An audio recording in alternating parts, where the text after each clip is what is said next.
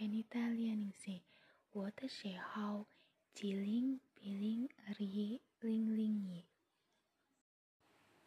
在留学生宿舍楼。大卫，有件事跟你商量一下，你这个周末有空吗？这个周末我想去趟书店。不过并不知，有什么事？有重要的事，而且这件事还非你做不可。什么事那么重要？我可做了这事，那么也不还。真让你说着了。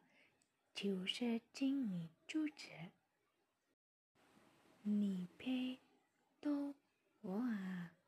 我一定这心里就痒痒。不开玩笑，这个周末我想请你跟玛丽一起住我家。真的吗？我最喜欢着你。妈妈做的菜了。玛丽来中国时间不长，还没住过中国人的家。我想请她到我家住坐坐，了解一下中国人的家庭生活，这样对她学习汉语也有好处。你跟他说了吗？已经说好了。后天晚上六点，你带他来我家，怎么样？好，一言为定，确定。晚上六点二十分，王峰家门口，大卫和玛丽跑。快来！对不起，对不起，我们来晚了。我都出来上级了，是不是忘了我家地地址了？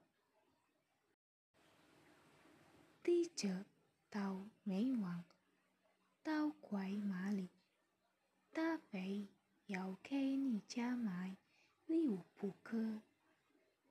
我对他说：“我带了一瓶酒，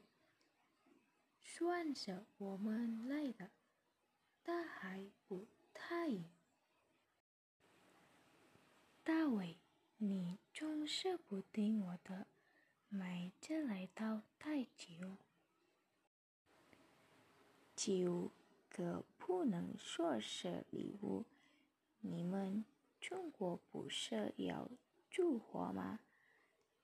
叫烟酒不分家，你爸爸就喜欢喝这种酒。一会儿我跟你爸爸一块儿喝。他为王峰的爸爸厉害吗？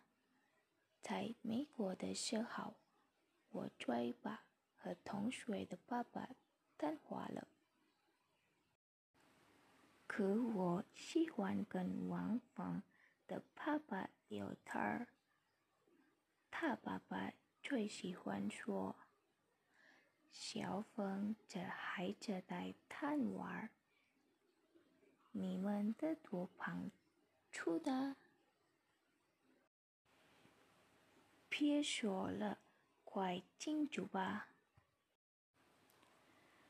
哎，太危险了。王峰的爸爸妈妈，我应该怎么称呼？你叫婆父婆母就行了。我真不知道在中国人家里该说些什么。你跟我说啊，我怎么说你就怎么说。在王峰家，爸妈，我的朋友来了。哦，快请进来。对父母，这就是我将跟你们说记的马里。马里，这是我父母。伯父、伯母，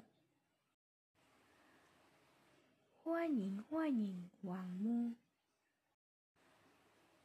伯父、伯母还记得我吗？哦，他为你哥好久没到我们家来了，送上水果。伯母，这是我的。一点心意，怎么还带礼物来啊？以后可别带了。来来来，快到里边坐吧。大家走进里边的房间。婆母，您在真广场啊？哪里？还是太小，客人来多了套坐不下。别光缠着说话，快请客人坐啊！小芬给客人倒点儿茶。你们都是小芬的朋友，到了这儿就行，到了。这几家一样，千万别客气。来这儿要汤，要水果，随便吃。小芬给你的朋友破几个出气。婆母，您别忙了，我们自己来。对王府，伯父好久不见了。您二位身体好吧？老了，不如从前了。谢谢你老想着我们。小凤一回家就说起你们，我很高兴小凤有你们这样的外国朋友。我也很高兴能到你家来做客。小芬，你被客人找着，我就给你们叫饭。我也住吧，帮帮您的吗。婆母，别太麻烦了。不麻烦，家常便饭，一会儿就好。马里，你先递一起来。待会儿，尝尝我的手艺。谢谢老师。